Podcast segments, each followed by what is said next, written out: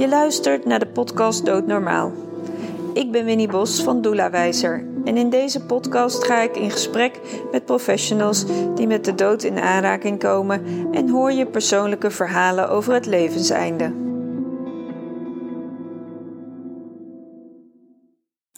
Hallo lieve luisteraars, hier een solo-aflevering met de maker van deze podcast, Winnie Bos. Um, uh, vanaf volgende week horen jullie weer gesprekken met gasten die ik heb uitgenodigd en gesproken. Um, maar voor nu een verhaal over onterving. In 2020 kwam er bij het blad Wendy uh, een artikel online over mijn verhaal uh, en hoe dat met mijn moeder is gebeurd dat ik uiteindelijk ben onterfd. Dat riep ongelooflijk veel reacties op. Um, en in 2020 zag ik dat Wendy dit opnieuw had geplaatst. En hetzelfde gebeurde als 2020. Heel veel reacties, heel veel delen. Ook al vind ik het heel spannend om dit verhaal van mij online te zetten, uh, en is het mijn verhaal en niet mijn moeders verhaal. Ik geloof dat er veel uit te halen is voor zij die dit overkomt of is overkomen. En um, nou, zoals het met veel onderwerpen in mijn leven is, ik vind het niet zo moeilijk om daar het gezicht voor te zijn. Um, omdat ik heel erg geloof in de quote die ik ooit zelf in het leven heb geroepen. Als je deelt wat er in je leeft, is er ruimte voor groei. En dat wens ik niet alleen mijzelf, dat wens ik en ieder van jullie die dit hoort en tot zich neemt. Uh, dat het heel veel respons oplevert. In eerste instantie bevreemde me dat. Uh, maar later zo na mijmerend dacht ik, ja, het is niet zo gek, want het is nogal een onderwerp. En iedereen reageert daarin vanuit uh, waar jij bent in jouw leven. En ik geloof ook heel erg dat iedere reactie die daaruit voortkomt goed is. Niet een vingerwijze is naar mij of een, um, een, een, een afrekening naar mij. Of nou ja, hoe je dat dan eigenlijk ook zou willen zien. Want ja, inderdaad, het klopt. Uh, ieder verhaal heeft natuurlijk twee kanten. En uh, de kant die gelezen wordt, is de kant van het verhaal wat ik vertel. Zoals ik het heb ervaren en zoals ik het heb beleefd. Um, en wat ik daarin alleen kan meenemen, is dat wat mijn moeder heeft besloten om te doen. Mij te onthouden van haar ziek zijn, haar, mij te onthouden van haar overlijden, haar uitvaart, haar rouwbrief en uiteindelijk dus ook het testament. En um, ja, dat zij dat heeft gedaan, heeft voor haar um, redenen gehad om dat te doen. En waarvan ik vind, of eigenlijk niet vind, uh, en dat is voor haar waarheid. En die waarheid mag ik uh, aannemen en, en aanvaarden. En daarmee komt dan natuurlijk van alles en nog wat los. Want ja, dat wordt, daar, daar word ik natuurlijk in geraakt op allerlei vlakken. En die geraking, dat is mijn verantwoordelijkheid. En daar heb ik mijn keuzes in te maken wat ik daarmee doe. Uh, dus om jullie even mee te nemen in uh, hoe dit nu eigenlijk is ontstaan, voordat ik nog verder de diepte inga, um, neem ik jullie even terug in de tijd. Um, ik kom uit een gezin, vader, moeder. Uh, ik ben de oudste dochter van twee uh, meiden. Uh, ik scheel drieënhalf jaar met mijn zusje. En mijn vader was beroepsmilitair. En mijn moeder heeft eigenlijk mijn hele leven altijd, voor zover ik weet, ook parttime gewerkt. Um, mijn ouders kwamen van origine uit Groningen um, en uh, waren naar het midden van het land verhuisd, uh, waar mijn vader uh, jarenlang gelegen is geweest.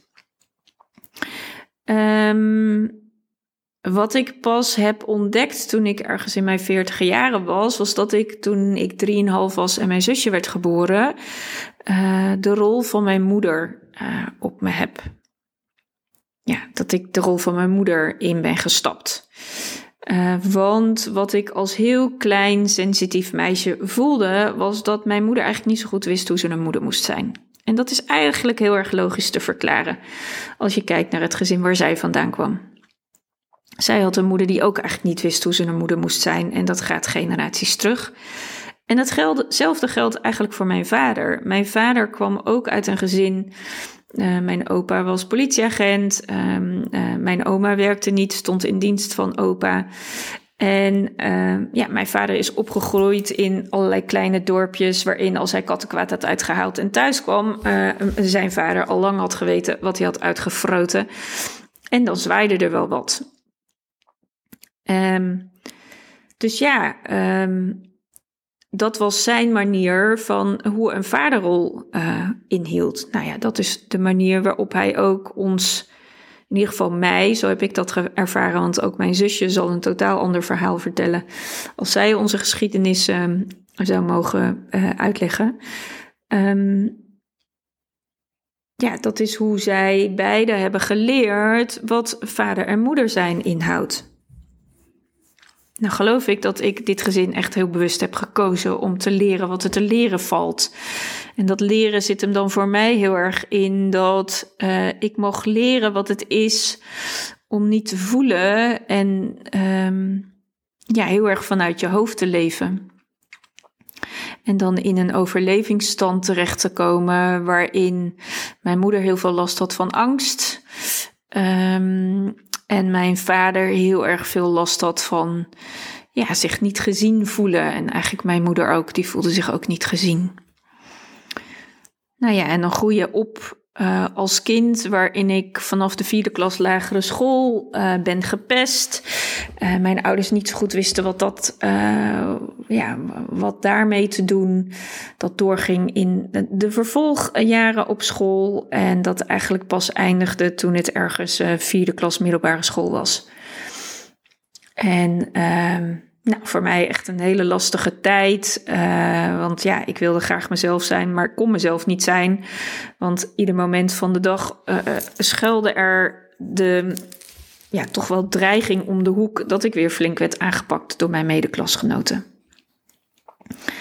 En, en dat zat hem er vooral in, in dat ik, ik was anders als de anderen. En met de bril op van nu um, snap ik ook waarom men voelde dat ik anders was als anderen. Want ik was eigenlijk een heel sensitief um, meisje. Wat dacht, als ik me maar niet zo zichtbaar maak, dan val ik niet op. Uh, wat het tegengestelde teweegbracht. Maar goed, je doet wat je doet. En uiteindelijk weet ik nog dat door een programma, um, de Vijf Uur Show heette dat volgens mij toen tijd. Um, en ik, volgens mij was het Caroline Keil die dat toen uh, presenteerde. Er een item kwam over pesten. En dat daar heel erg zichtbaar mee werd van. Um, ja, uh, pesten komt niet omdat het aan jou ligt. Maar ja, op een gegeven moment kiest gewoon een klas iemand waar ze de pik op hebben. En uh, ja, toevallig ben jij dat dan. Uh, en daar ging echt wel mijn ogen voor open. Maar wat ik als tegenstelling daarvoor deed, was dat ik van dat hele schuchtere meisje ineens iemand werd met een best wel een grote mond. En nou ja, die dacht, uh, als ik dan maar van me af ga schreeuwen, dan werkt dat wel zijn vruchten af. Nou, dat bleek vrij snel niet te werken. Um, en een verlangen wat ik al had sinds mijn zestiende om een jaar naar het buitenland te gaan. En dan specifiek Amerika, want dat was een land dat me heel erg trok. Um, ben ik uiteindelijk op mijn 21ste ook daadwerkelijk een jaar naar Amerika vertrokken. Um, en dat jaar kwam eigenlijk als een opluchting, want in ongeveer ruim twee jaar lang daarvoor heb ik mijn moeder verzorgd. Zij um, had een fietsongeluk gehad, haar arm gebroken en had door de breuk dystrofie um, uh, in haar arm gekregen. En dat betekende dat nadat ik net mijn rijbewijs had gehad, mijn moeder heel veel behandelingen in het ziekenhuis uh, moest ondergaan. En zij daarna niet in staat was om zichzelf weer naar huis te brengen. En uh, nou, ik heb na de MAVO de HAVO gedaan wat ik niet wist te behalen. Ik ben uiteindelijk naar avondschool gegaan. En dat maakte dat ik mijn moeder kon rondbrengen. En dat was echt letterlijk, mijn moeder dan zo'n soort, nou ja, zag er in ieder geval uit als een soort drugsverslaafde die echt letterlijk onder de arm genomen moest worden. En bij thuis komt op bed moet worden gelegd. En ja, dan moest er eten op tafel. En mijn vader uh, werkte, uh, mijn zusje speelde veel buiten uh, en ik voelde me verantwoordelijk. Dus ik zorgde voor het huishouden van vier als 18-jarige. En ehm, nou, dat, dat was best een zware last.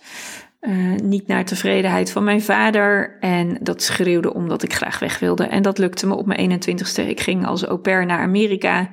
Ben daar een jaar geweest. Heb echt alles wat ik maar wilde zien van het land en al het geld wat ik mee had genomen in reizen gestoken om echt een, na een jaar van mijn leven, zeg maar, te krijgen. Mijn ouders zijn zelfs met mijn oma uh, ook een aantal weken op vakantie geweest. En daarmee ben ik ook we wezen rondreizen. En dat was echt heel bijzonder. Um, eenmaal bij terugkomst um, um, kwam mijn moeder heel erg met het verhaal. Of tenminste, het verhaal. mijn moeder uh, was. Uh, ja, hoe moet ik dat nou zeggen? Mijn moeder uh, vond toen ik terugkwam uit Amerika dat ik niet de Winnie was van voor die tijd. Uh, kijk, voor die tijd was ik heel erg natuurlijk in het huishouden actief. Uh, ik deed van alles. Ik deed de boodschappen, ik kookte, ik maakte het huis schoon. ik zorgde voor de dieren. ik deed alles. Ik was eigenlijk gewoon de moeder van het gezin. Terwijl dat niet mijn rol was, maar haar rol.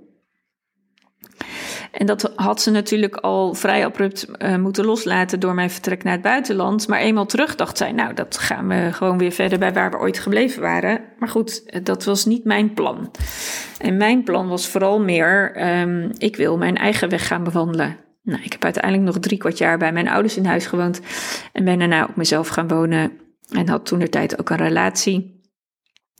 En dat heeft uiteindelijk geresulteerd in dat ik naar de andere kant van Nederland ben verhuisd um, en aan de kust ben gaan wonen.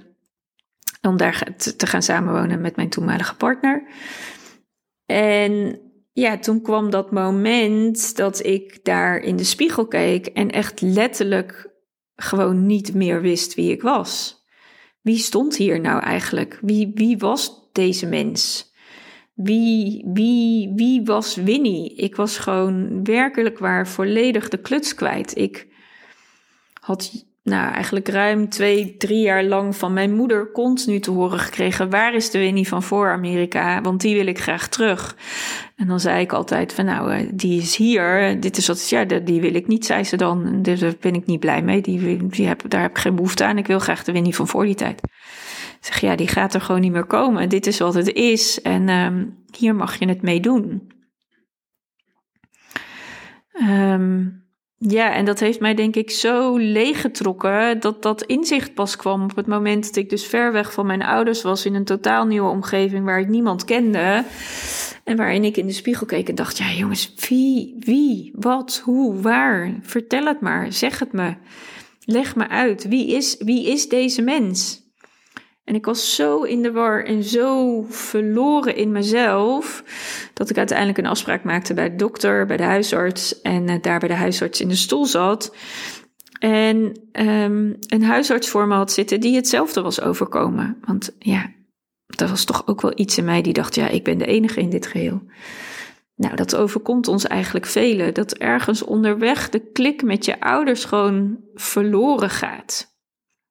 En tuurlijk, nee, dat is niet fijn en dat is niet, ja, niet wat je graag wil. Maar op een gegeven moment komt het gewoon op een punt dat je denkt, ja, het kan gewoon niet anders. Ik mag los.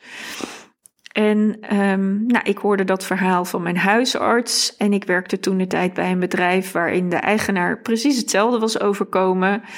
En nou ja, hoorde een beetje de verhalen uh, aan hoe, hoe dat hun was vergaan. En ja, daar kwam gewoon op enig moment was daar een keuze voor mij waarin ik gewoon heel erg voelde, ik wil, het was of ik wil leven of ik ga dood. Dat was letterlijk de keuze waar ik voor stond. En um, ja, dat voelde heel erg toen. En ja, goed, daar snapte ik ook niks van, maar toch ja, ik mag voor mezelf kiezen. En wat ik ook probeerde om daarover in gesprek met mijn ouders helder in te krijgen dat ik die tijd en ruimte nodig had, kreeg ik alleen maar de boodschap van ja, maar ja, eh, ik, we willen alleen maar de weer niet terug van, van voor die tijd. Nou, met, met pijn in mijn hart heb ik mijn ouders, uh, ik weet al niet eens meer hoeveel kantjes geschreven om uit te leggen waarom ik ging doen wat ik wilde doen. En dat was het contact verbreken. En dat, uh, heeft tien jaar lang geduurd, waarin ik uiteindelijk na het contact verbreken zo de weg ben kwijtgeraakt dat ik een einde aan mijn leven wilde maken. ehm, toen uiteindelijk psychologische ondersteuning heb gezocht, die uiteindelijk ook heb gekregen. Vier jaar lang daar begeleiding in heb gehad. En na vier jaar dacht, wat doe ik hier nog in godsnaam? Of eigenlijk na drie jaar dacht ik dat al. En toen heb ik een jaar afgebouwd. En na vier jaar dacht ik, het is klaar. Ik, dit werkt niet meer. Ik ben mijn leven gaan leven, maar kwam toch steeds iedere keer weer mezelf tegen. Op allerlei manieren. Had wat relaties. Die gingen dan weer uit. Ehm, mijn toenmalige partner, waarin ik aan de kust mee ben gaan samenwonen. Die relatie ging verloren. Uh, want hij had heel erg moeite komend uit een harmonieus gezin. Ja, je ouders gedacht zeggen, dat doe je gewoon niet. En daarnaast was het een man die, en dat inzicht kwam ook eigenlijk pas twintig jaar later, die mij echt ware liefde wilde geven, maar waarvan ik gewoon in mijn leven nog nooit ware liefde had ontvangen en ik gewoon niet wist.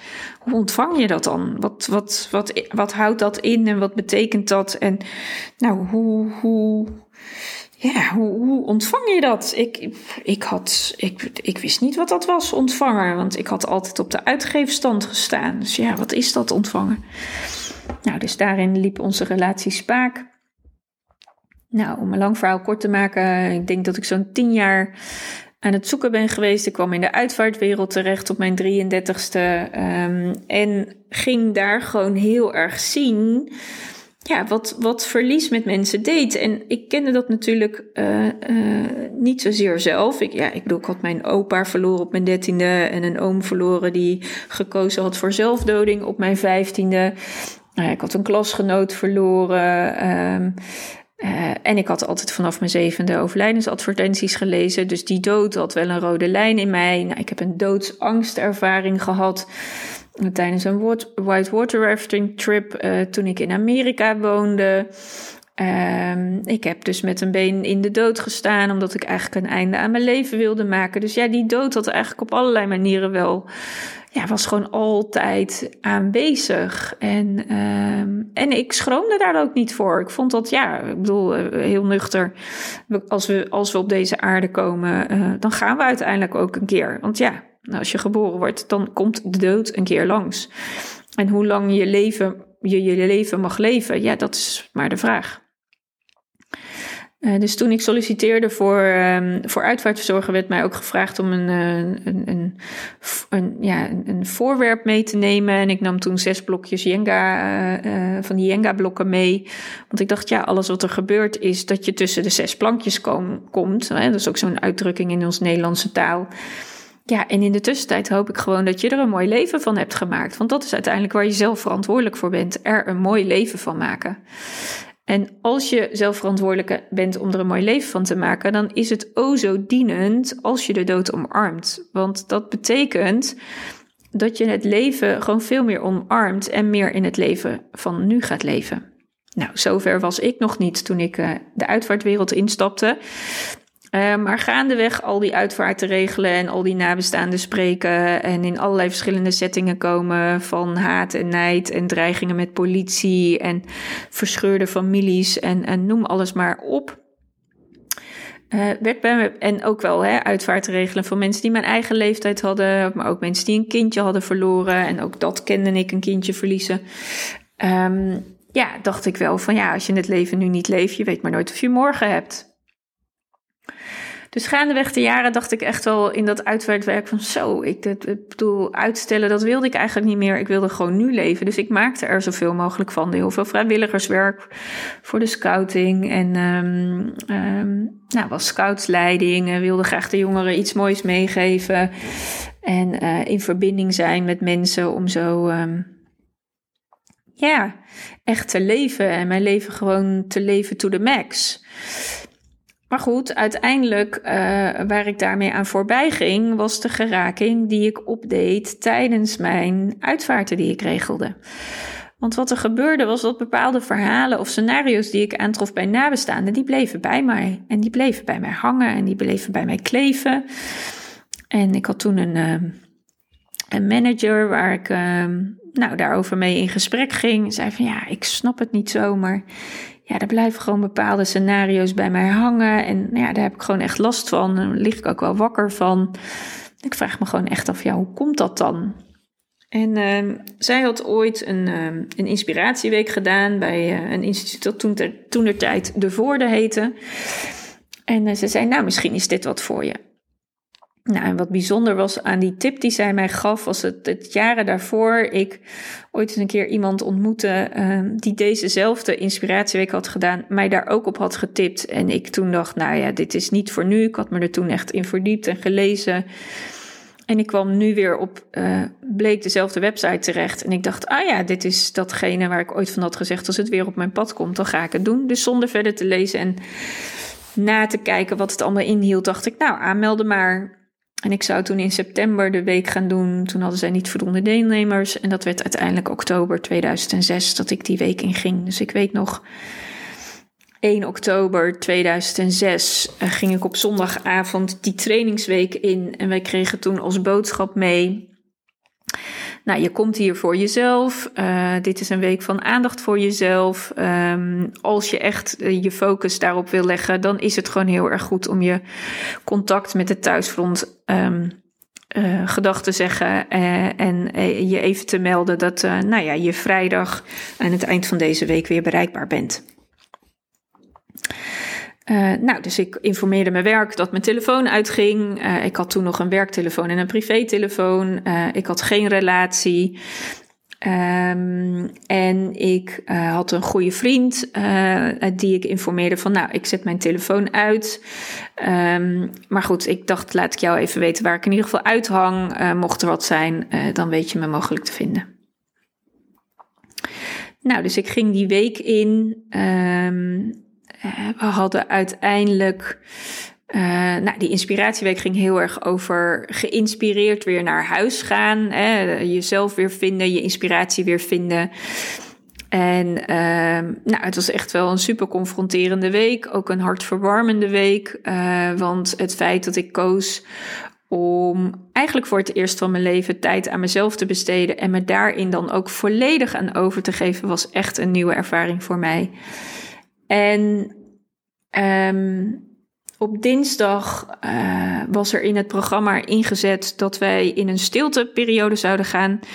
En die stilteperiode zou 24 uur gaan duren. En uh, we mochten daar niet spreken. Um, al het eten en alles wat we deden ging in stilte. En uh, nou, in aanvang vond ik dat echt vreselijk. Stil zijn, je mond niet openen. He, voor iemand die graag praat en in een doen-scenario zit van uh, ja, dit doen, dat doen, zus doen, zo dan. En altijd een volle agenda had. Um, ja, was dat toch wel eventjes uh, pittig. Um, maar al vrij snel in die stilteperiode kon ik echt zo ongelooflijk voelen hoe ontzettend fijn het was en hoe anders je met elkaar ging communiceren. En dat het eigenlijk ook hele komische situaties opleverde, waarin ja, gewoon ook vanuit die stilte wel heel erg gelachen werd. En dat eten anders werd ervaren en dat je daar een andere beleving van kreeg. En ik vond het echt een feestje om stil te zijn. En uh, op enig moment, uh, eh, 19 uur onderweg in die stilte, um, zat ik in een klas. Ik weet nog, het was middag. Ik weet niet meer exacte uur. En er werd op de deur geklopt van de klas. En uh, dat was eigenlijk een vrij ongewoon gegeven. En um, de deur ging open. En de mededeling kwam um, dat uh, ja, er voor mij een boodschap was die essentieel was om nu te horen en of ik uh, de, de klas uit wilde komen. En ik zie me nog zitten in het gebouw met degene tegenover me die vertelde dat de dag daarvoor, op maandagavond, mijn vader aan een acuut hartinfarct was overleden. En dat uh, mijn moeder en mijn zusje uh, enorm hun best hadden gedaan om mij te vinden, maar niet konden vinden. Nou, en via een hele ingewikkelde instructie, mijn werk had het niet goed genoteerd. Uh, mijn manager was ook onbereikbaar op de wereld, die wel wist waar ik uithing. Um, is uiteindelijk via haar en iemand die zij kende op de locatie, trainingslocatie waar ik zat, het bericht dus wel bij mij gekomen. En toen moest ik dus ineens vanuit 19 uur stil zijn gaan praten. Maar goed, ik deed mijn mond open en alles wat eruit kwam was niks. Nou, uiteindelijk uh, lukte het mij om wel te praten. Ik heb mijn moeder gebeld, uh, gevraagd uh, hoe, wat, wie, waar, uh, wat ik er op dat moment uit kon krijgen. En ben daarna wat vriendinnen en lieve mensen om mij heen gaan bellen. En ja, het bleek dat eh, mijn moeder of mijn zusje uh, een mail van mij hadden en uh, die de wereld in hadden gestuurd naar allerlei vrienden van mij. Dus zij wisten allemaal ondertussen al dat mijn vader was overleden. En nou, zij wilde graag bij de uitvaart zijn. Dus ik zei, nou dan en dan is de uitvaart. welkom zoals je bent. En fijn om je daar te zien. prettig als ik je daar mag ontmoeten. Um, en ik besloot in de trainingsweek te blijven. Want dat was natuurlijk ook nog even een keuze van ga ik weg of ga ik blijven. En wat bleek, mijn moeder had samen met mijn zusje en haar man de uitvaart geregeld. Uh, alles stond. Uh, ik kon afscheid nemen van mijn vader. Ik kon bij de uitvaart zijn. Uh, want de trainingsweek zou zo duren dat ik nog op tijd ehm, naar huis kon. Mijn vader kon zien, afscheid van hem kon nemen. En de dag daarna ook bij de uitvaart kon zijn. Dus ik besloot te blijven.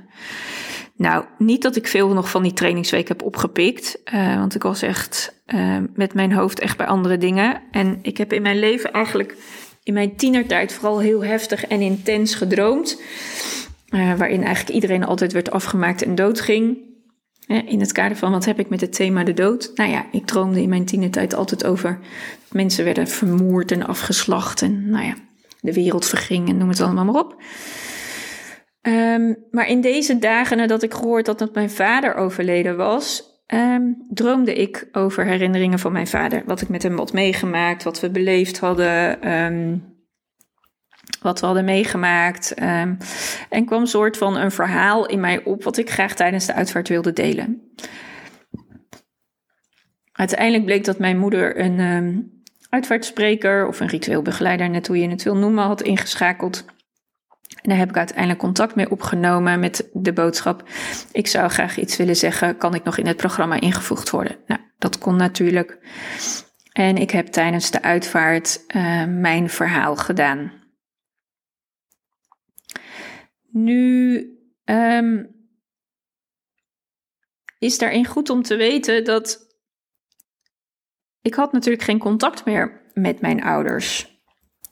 Maar goed, twee jaar voordat mijn vader overleed, had mijn moeder mijn zusje de opdracht gegeven om mij te zoeken. Um, want zij had een dodelijke ziekte en wilde dat met mij delen. Want het was belangrijk dat ik dat wist, omdat uh, nou, ik daar dan eventueel voorzorgsmaatregelen voor kon nemen. Nou, ik was niet zo moeilijk te vinden, want ik deed toen scoutingwerk, uh, al mijn gegevens. Ik was contactpersoon toen der tijd en uh, al mijn gegevens stonden op het internet. Dus op een dag uh, had ik ineens mijn zusje aan de telefoon en ik was echt helemaal zo, huh, wat, wie, waar, hoe. Um, maar goed, die deelde mede dat mijn moeder graag um, contact met mij wilde. Um, nou, of ik daarvoor open stond. Ja, het voelde heel erg van ja, waarom niet? Uh, bedoel, waarom zouden we dat niet doen? Dus we besloten om af te spreken op neutraal terrein, elkaar te ontmoeten. Ik had toen de tijd een relatie, uh, vroeg mijn partner om mee te gaan en we hebben elkaar toen op neutrale grond in een horecalocatie opnieuw ontmoet. En mijn uh, vader en moeder waren daar. Um, nou, dat was best raar, vreemd. Zij waren niks veranderd. Um, ja, ik ook niet volgens mij, maar goed. Dat, um, en we hebben um, een, een, nieuwe ontmoeting gehad om elkaar weer her, te herontmoeten. En nou, dat was apart, dat was bijzonder. waarin ik ook wel gewoon voor mezelf heel duidelijk had hoe ik dat dan voor me zag. En waarin ik met hun deelde van, ja, dit is waarom het toen tijd voor mij nodig was om te vertrekken. En dit is waarom het voor mij ook klopt om gewoon weer verbinding met jullie te hebben. Want ja, jullie zijn en blijven mijn ouders en dat kan ik ontkennen of wegstoppen, maar dat verandert niet dat jullie mijn ouders zijn. Dus ik zou het fijn vinden om weer contact te hebben en dat dat gewoon een tweerichtingsverkeerssituatie zou worden. Waarin we elkaar gewoon opzoeken en uh, uh, ja, en gewoon gaan maar gaan kijken hoe dat dan precies in zijn werk gaat. Nou, uiteindelijk werd het scenario dat er geen tweerichtingsverkeer ontstond. Uh, we hadden een ontmoeting gehad en toen werd het stil. Ik bleef mijn moeder opzoeken. Uh, mijn zusje stond niet achter deze ontmoeting. Was ook niet blij dat ik weer in hun leven was. Uh, maar mijn moeder wilde heel graag dat wij ook weer tot verzoening kwamen. Nou, daar heb ik een poging toe gewaagd. Is niet gelukt. Um, maar mijn moeder bleef maar proberen om ons weer in verbinding te krijgen. Um, dus toen ging het van ik maakte afspraken naar ik maakte geen, meer, geen afspraken meer. En um, ging naar mijn moeder spontaan. En mijn werkgebied als uitvaartverzorger behelste toen ook waar zij woonde. Dus ik kon ook heel makkelijk spontaan vaak bij haar gewoon op de stoep belanden. En dan nam ik mijn werk mee en dan ging ik daar gewoon in combinatie met even lunchen of um, avondeten of een kopje thee drinken. En dat dan combineren met mijn werk. Ging ik dan heel heerlijk even bij mijn moeder op bezoek. Nou, zij vond dat niet zo'n uh, goed idee. En, uh, en kondigde aan op een gegeven moment dat ik gewoon voortaan afspraken moest maken. Nou, dat deed ik niet. Wat uiteindelijk resulteerde in dat er gewoon geen contact meer was. Nou, dat heeft uiteindelijk geresulteerd in dat mijn moeder na het verliezen van het contact, uh, twee jaar na het overlijden van mijn vader, heeft besloten dat ik uit het testament geschreven moest worden. Um, en ja, naar ik nu kan verklaren uit verhalen van haar zussen, was van ja, ik was toch het kind dat er nooit was, dus waarom zou ik dan ook nog iets van de erfenis moeten ontvangen? Nou, hele legitieme reden om daar je testament voor aan te passen. Um, dus zij heeft dat gedaan. Um, is naar de notaris geweest. Nou, is het bij de notaris de procedure dat er altijd meerdere gesprekken zijn voordat iemand een testament realiseert waarin dit wordt vastgelegd. En nou, het bijzondere is dat ik na het overlijden van mijn moeder met nog vragen over het testament bij de desbetreffende notaris ben beland om mij vragen te stellen. En die deelde mij toen mede uh, dat dit dus de procedure was, dat ze mijn moeder had ontmoet, maar dat zij nooit het antwoord had gekregen waarom mijn moeder dit wilde. En ik had echt zoiets, uh, eenmaal dit op tafel hebbende, natuurlijk verwonderd en verbaasd. Um, en in de tijd dat zij het af heeft gesloten, mocht zij dan nog wel alleen um, in die zin zo onterven dat ik nog een legaat zou krijgen. Maar die was ook tot het minimale teruggebracht, omdat de kinderen van mijn zusje daarin waren opgenomen. Um, ja, ik had mijn vragen beantwoord gekregen van de notaris en ik ging weg en ik gaf haar een hand.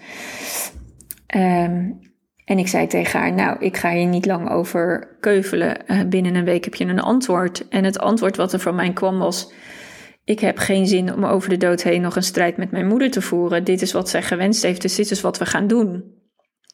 Maar dat neemt niet weg dat uh, alle pijn en verdriet en emotie die daarmee gepaard gaat, voor mij een verantwoordelijkheid waren om dat te verwerken.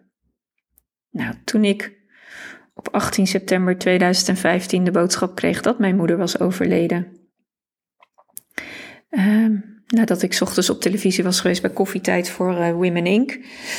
Um, ja, stond mijn wereld echt wel letterlijk even op zijn kop. Um, ik weet nog dat ik in dat weekend daarna en ook de maanden daarna de enige stand die ik kon hebben was liggend op de bank, um, film kijkend. En dan waren het vooral ook films die over verlies gingen, over rouw, over moord, over whatever.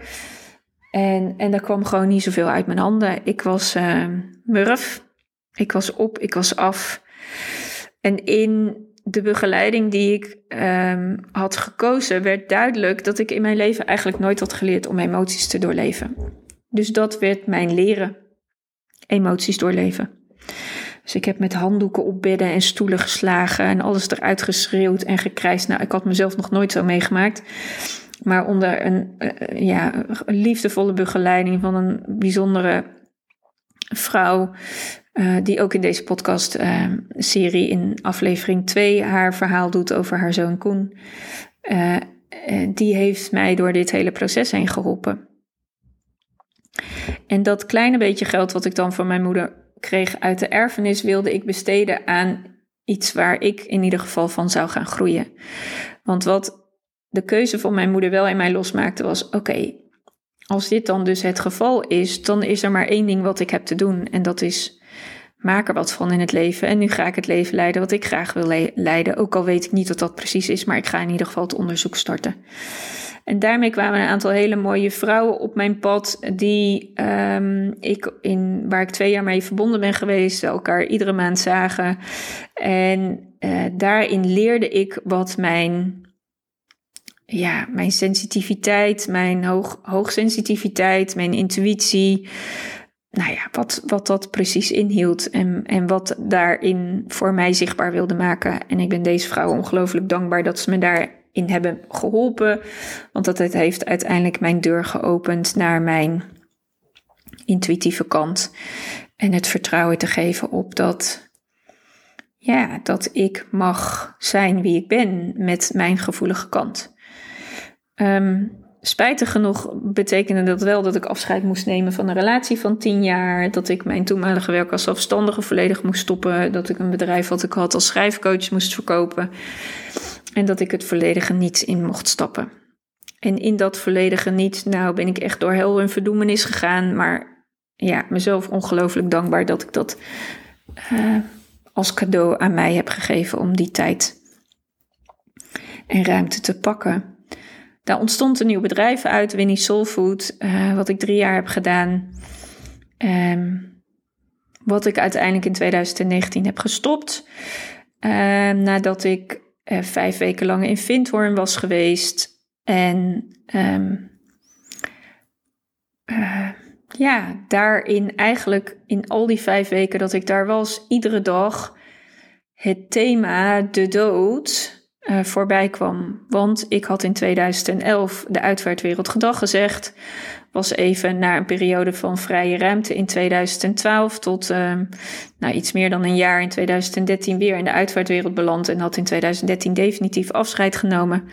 Maar sinds die tijd dacht ik dat de dood klaar was, maar die bleef altijd maar weer aan mijn deur kloppen. En toen ik in 2019 in Vindhoorn was, was dat echt een dagelijks terugkerende ontmoeting met mensen, dieren, dingen. Nou, van alles en nog wat waarin de dood alleen maar aan mij voorbij kwam. Ik werd er echt nou, bijna gek van dat ik ook mijn handen naar, naar de hemel richtte en zei: Ja, vertel me dan wat ik daarmee moet doen, want ik weet het niet, ik weet het niet, ik weet het niet.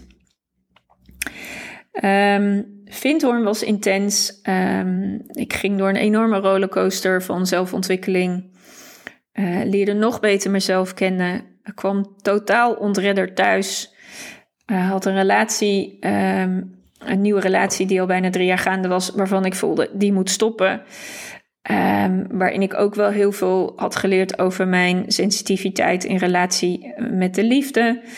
Uh, maar ik had de boodschappen meegekregen in Vindhoorn. Je gaat voorlopig een tijdje alleen op reis en die mag je volgen. Zo geschiedde. Ik kreeg Lyme, moest nog heel erg ziek worden en toen kwam de pandemie. Um, maart 2020. Uh, eh, ik zou naar Nepal de wereld ingaan en mijn voeten volgen. Dat werd in Nederland blijven, opgesloten zitten, veel tijd met jezelf doorbrengen. En ik ging nog weer eens door een extra uh, transformatieproces. Um, juni, juli 10 juli 2020 ontstond Doelawijs, mijn huidige bedrijf, waarin ik als missie heb om het levenseinde doodnormaal te maken. Nou, een heel lang verhaal over um, hoe het onterven van mijn moeder um, heeft plaatsgevonden en wat dat voor een reis voor mij heeft betekend. Um, en ja, dat ik daarin ongelooflijk veel dingen van mezelf ben tegengekomen. Uh, waar ik verantwoordelijkheid voor had te nemen. Um, waarin de boodschap was dat ik mijn hart mocht volgen. Maar waarin nog groter de boodschap was. Wat ik gewoon heel erg geloof. We komen hier als ziel op aarde. Met een bedoeling. Met een, uh, een bedoeling om hier iets te leren. Ik heb dit gezin uitgekozen om al deze lessen die jullie in mijn verhaal uh, voorbij hebben gekomen. Te leren, hè, uh, niet voelen vanuit je hoofd leven. Um, iets wensen wat er niet meer is. Dus verandering uit de weg gaan. Je leven leiden door angst, wat mijn moeder deed. Ehm, of wat zoals mijn vader deed, um, vanuit een enorme dominantie de wereld willen regeren. En eigenlijk daarmee uiteindelijk ver van jezelf blijven. Want hoe moeilijk is het om heel dicht bij jezelf te zijn en alle pijn en ellende die in jouw systeem zit, die je niet alleen van jezelf en je gezin waarin je bent opgegroeid hebt, maar ook van alle generaties voor je, om die aan te kijken, te doorleven. En um, ja, en, en die als lessen mee te nemen in je eigen leven. En um, kijk, waarom vertel ik dit verhaal? Omdat ik naar aanleiding van het artikel in Wendy Online ongelooflijk veel reacties ook van mensen heb gekregen van herkenbaarheid in het verhaal. Uh, ik lees mezelf. Um, um, en ieder gaat daar op zijn eigen manier mee om. Dit is mijn manier. En in het artikel toen de tijd um, schreef ik dat hoe pijnlijk het mijn moeders vertrek ook was, ik haar oprecht dankbaar ben. Uh, het heeft me wakker geschud en een duw gegeven om te gaan leven zoals ik wil. Ik geloof heel sterk dat wat er gebeurt een reden heeft, hè, uh, zoals ik net ook al uitlegde. En we nemen allemaal een rol aan in onze aanwezigheid hier. En deze boodschap was nodig voor mijn zelfacceptatie. Hè, dat ik een gevoelig en sensitief mens ben die daarop mag vertrouwen en mag leven. Want ik ben goed zoals ik ben en ik hoef niet te zijn zoals de wereld vindt dat ik moet zijn. Um, als ik kijk met de bril van nu, en dan kan ik natuurlijk mijn moeder dankbaar zijn. Maar uiteindelijk ben ik degene die besluit wat ik daarmee doe. Uh, hoe zij de dingen naar mij toe heeft gebracht. En ik ben vooral mezelf dankbaar dat ik niet in de strijd ben gegaan. Dat ik niet in het verwijt ben gegaan. Dat ik niet ben gaan vingerwijzen. Uh, maar dat ik het vingerwijzen, waarvan er altijd één naar de andere en drie naar jezelf wijzen. Uh, de verantwoordelijkheid bij mezelf heb neergelegd. Oké, dit is wat mijn moeder wilde. Ik wil hier geen strijd meer over voeren.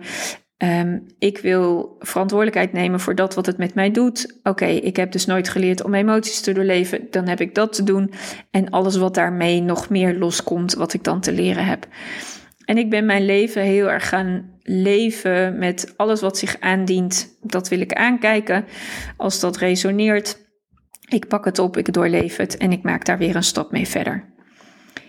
Um, dat zeg ik nu even heel simpel, um, alsof het een soort stappenplan is. Uh, maar zo simpel is het niet. Um, het vraagt echt soms ook pijn aan kijken, pijn doorvoelen.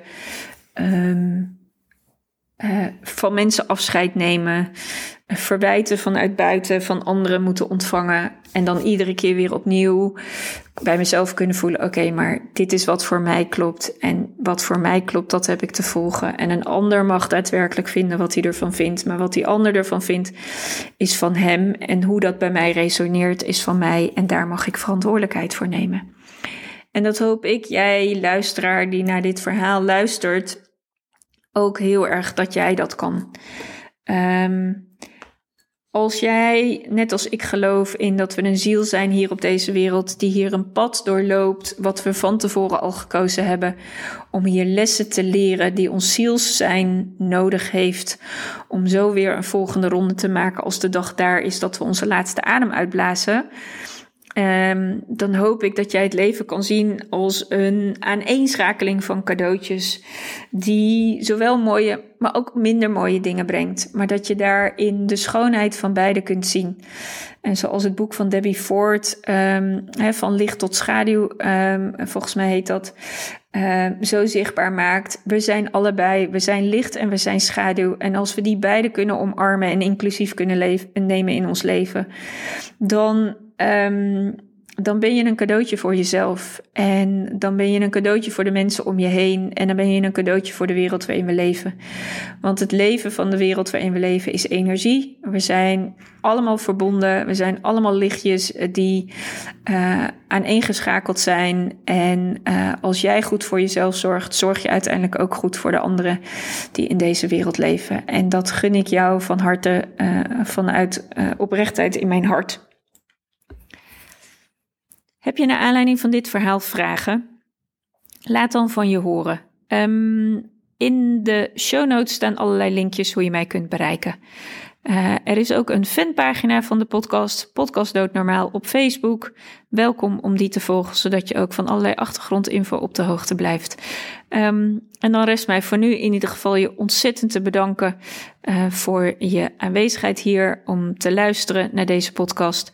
Uh, en hoop ik je graag weer terug te zien in de volgende aflevering van volgende week, waarin ik Rosa van Ederen spreek over het feit dat zij op 16-jarige leeftijd haar vader al moest gaan missen.